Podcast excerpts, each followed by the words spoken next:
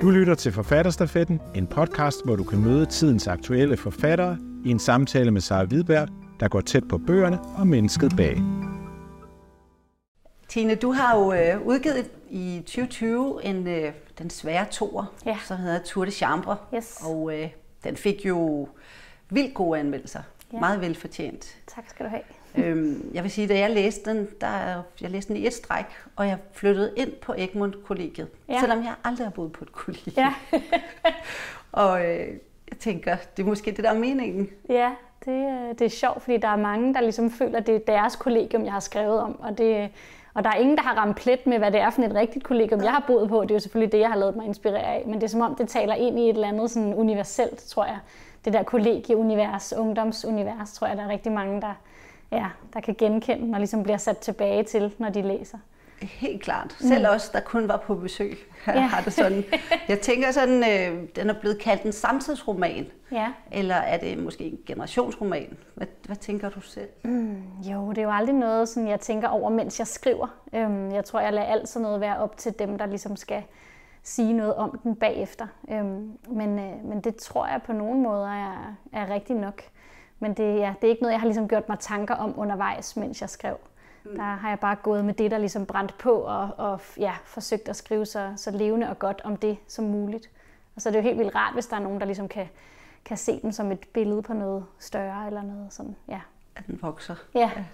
Jeg tænker, har du øh, et særligt publikum i tankerne, når du skriver? Nej, det har jeg ikke. Og det er det, der er så øh, besynderligt, det der med sådan... Fordi når jeg skriver, så er jeg jo meget bevidst om, at jeg skriver til nogen. På en eller anden måde, så det det, at den skal ud i verden og leve, er sådan fundamentet for at kunne skrive på, på en måde. Men samtidig må jeg ikke være bevidst om, hvem det er, jeg skriver til. Altså, så det er lidt som om, at, at de ting skal være sådan skal være der samtidig. Altså at jeg ikke må tænke på, hvem det er, og alligevel, hvis der ikke er nogen overhovedet, så tror jeg ikke, jeg vil kunne skrive. Altså fordi litteraturen, eller som, som for mig i hvert fald, så vil skriften gerne ud og møde nogen, og ligesom skabe en eller anden form for genklang i de øjne, der læser, men jeg, men jeg må ikke være for bevidst om, hvem det er, jeg skriver til. Og det, jeg synes er meget lykkeligt, som jeg har oplevet med, med begge mine romaner nu, er, at det faktisk er et meget bredt publikum. Altså det er alle aldersgrupper.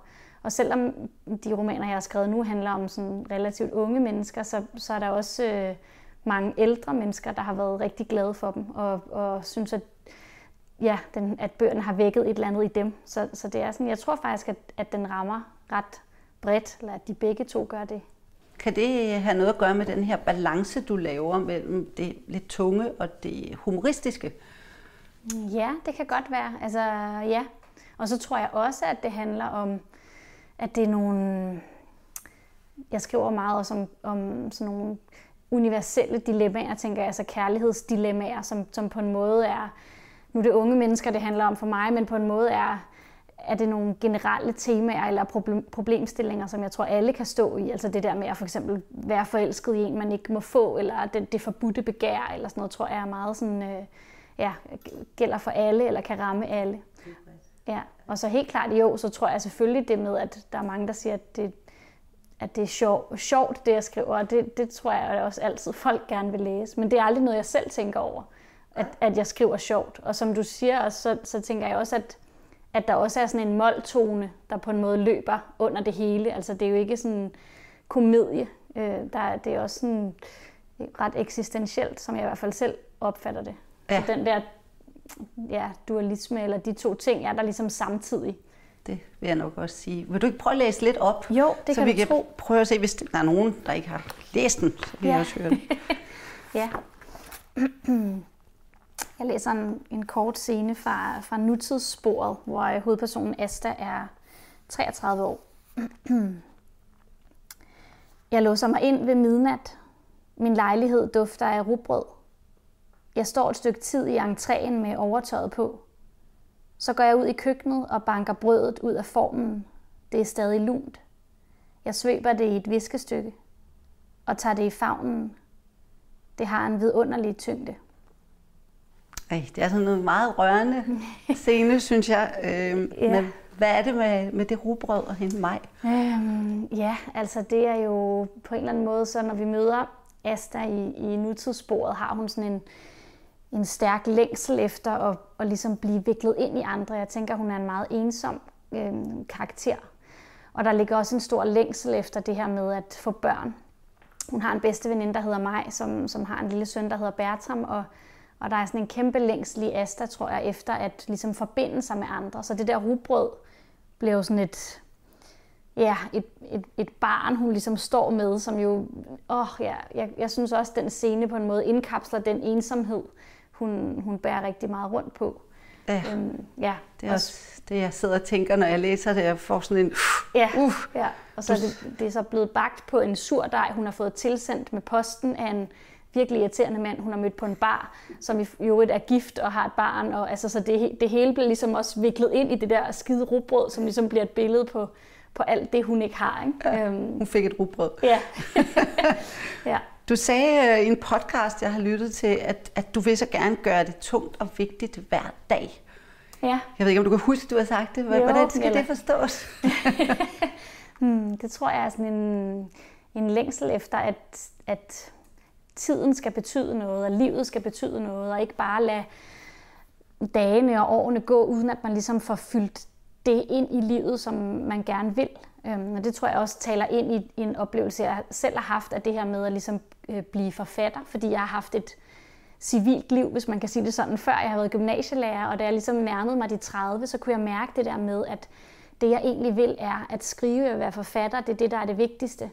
Og så ligesom virkelig gøre alt, hvad man kan for at få det til at ske.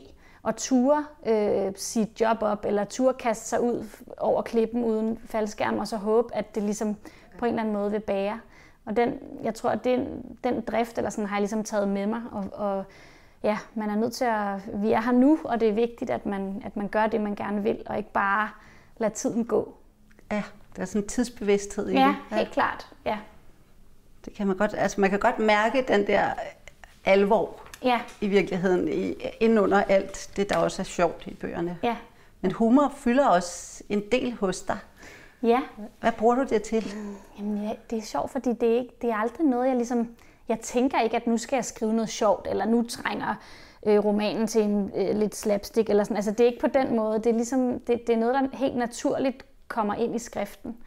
Og jeg tror, at det, at det er sådan, jeg ligesom bevæger mig rundt i verden. Jeg har altid sådan et blik for øh, også det skæve i situationer. Og jeg tror ret tit, når jeg skriver, at humoren opstår i det der med, at sidde i en alvorlig situation, og så zoome ind på en eller anden detalje, eller du ved sådan, øhm, ja, og, og, og sådan er det også for mig selv, når jeg bevæger mig rundt i verden. Og jeg tror, at den der skældning mellem, om, om noget er sjovt eller sørgeligt, er falsk. Altså jeg tænker, at, at de fleste situationer og oplevelser i vores liv øh, rummer begge dele. Øhm, man kan også sidde til en begravelse, og så nogle gange være lige ved at komme til at grine, fordi der sker et eller andet, som på en måde ikke passer ind. Og det er jo ikke fordi, døden er sjov, men det er bare fordi, at de to ting øh, findes parallelt. Øhm, ja, så, så jeg ser det egentlig heller ikke som en, en modsætning.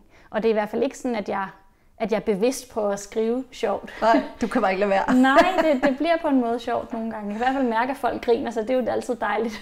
Det er sådan tragikomisk, ikke? Ja, jo, det, det, det kan man godt sige.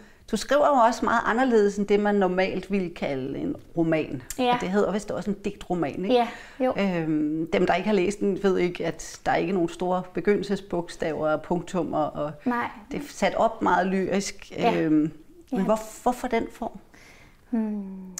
Den er, den er ligesom kommet undervejs, mens jeg har skrevet. Det er ikke noget, jeg har besluttet mig for inden, men jeg kunne mærke, da jeg begyndte at skrive, at det var sådan, teksterne gerne ville se ud. Og jeg tror, at, øhm, at jeg arbejder rigtig meget med, med mellemrummet eller pausen som en del af mit ordforråd på en måde. Altså, at der kan være en side, hvor der måske kun står, sover du? Og så er der bare hvidt. Og alt det hvide fylder jo helt vildt meget. Altså den side kan jo, er jo måske en af de tungeste sider i hele romanen, fordi der ikke bliver svaret, og det får man lov til som læser at mærke, når der ikke bliver fyldt nye ord på med det samme. Så jeg arbejder rigtig meget med, ja, med mellemrummet, som simpelthen som noget, der er lige så vigtigt som ordene i sig selv. Øhm, og også det her med at lade, lade nogle ord træde frem, lade de vigtige og nødvendige ord træde frem, og så ligesom stole på, at resten af scenen folder sig ud i læserens hoved. På en måde så bliver bogen først færdig, når den møder læserens blik, fordi der er rigtig meget, der faktisk ikke står, men, men fordi jeg har sat ordene sammen, som jeg gør, så så folder det sig ud, når man læser. Det er i hvert fald det, der, det, er i hvert fald det jeg håber på. Øhm, og det har været vildt rart, at jeg tror, jeg var ret nervøs i starten, da jeg skulle udgive, om, om folk forstod det, eller gad det, eller ville blive skræmt væk af det. Men, men jeg oplever at det faktisk føles meget intuitivt og, at læse på den måde, hvis, når man bare lige indstiller sig på det. Ja. Men jeg ved da godt, at når folk åbner bogen, tænker de, øh, det er ikke en roman, hvad er det, jeg har købt? Øhm, jeg er blevet snydt.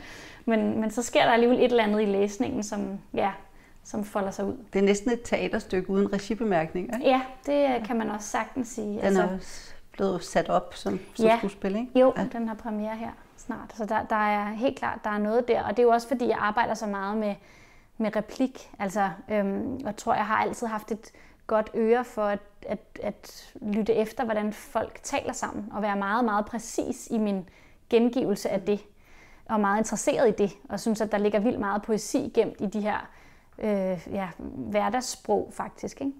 Og jeg hiver jo også øh, øh, messenger-samtaler, sms'er og alt sådan noget ind i, øh, ind i værket, fordi det, det er så meget en del af den måde, vi taler sammen på i dag, så det er helt naturligt for mig, at, at det også bliver en del af, af skriften.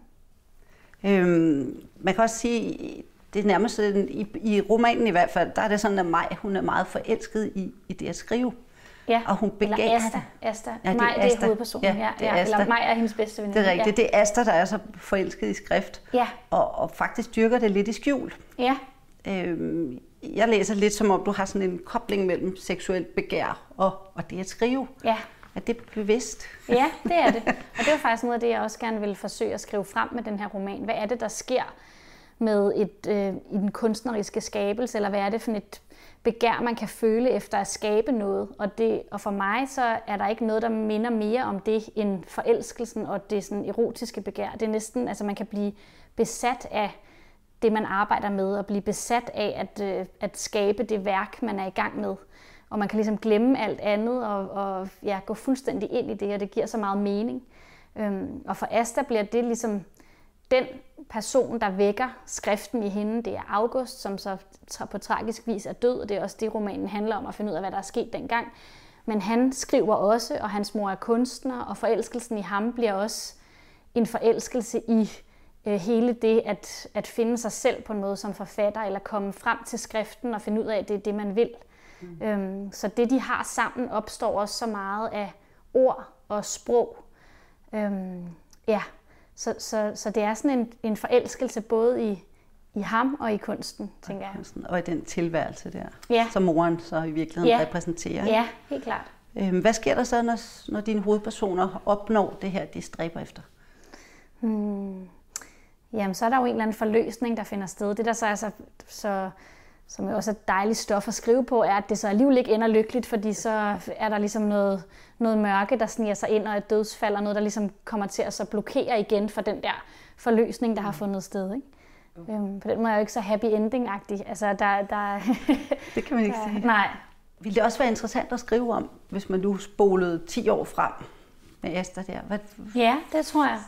Øhm, det er jo sjovt, fordi indtil nu, så har jeg også taget meget udgangspunkt i den krop, jeg kender, som lige nu er øh, 30'er-kroppen, og den krop, jeg har haft før, som er den helt unge krop. Og, og, og der tænker jeg også klart, at som man ligesom selv skrider frem gennem livet, så kommer der en hel masse øh, tid på, som man så også kan beskrive. Og der tror jeg indtil nu har det været sådan, for mig føltes vigtigst og rigtigst at skrive om noget, jeg kender rigtig godt. Øhm, og der, ja, der bliver der jo hele tiden lagt til, kan man sige. Så, så jeg tænker helt klart, at det også kunne være vildt spændende at skrive om ja, Asta som 43 år. Ja, det glæder vi os til. ja.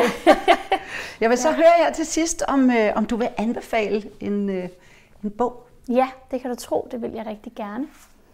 Jeg vil anbefale øh, den her digtsamling, der hedder Syv lag, som er skrevet af Julie Sten Knudsen, som jeg synes er en øh, helt utrolig øh, stærk stemme.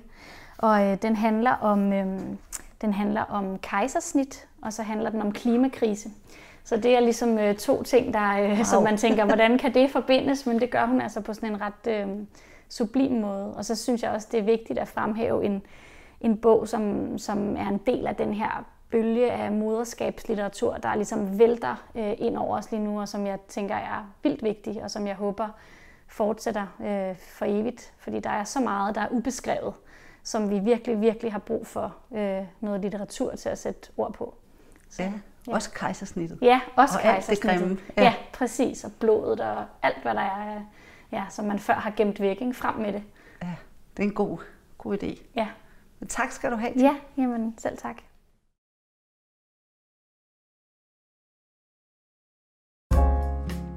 Du har lyttet til Forfatterstafetten, en podcast produceret af Forfatterweb.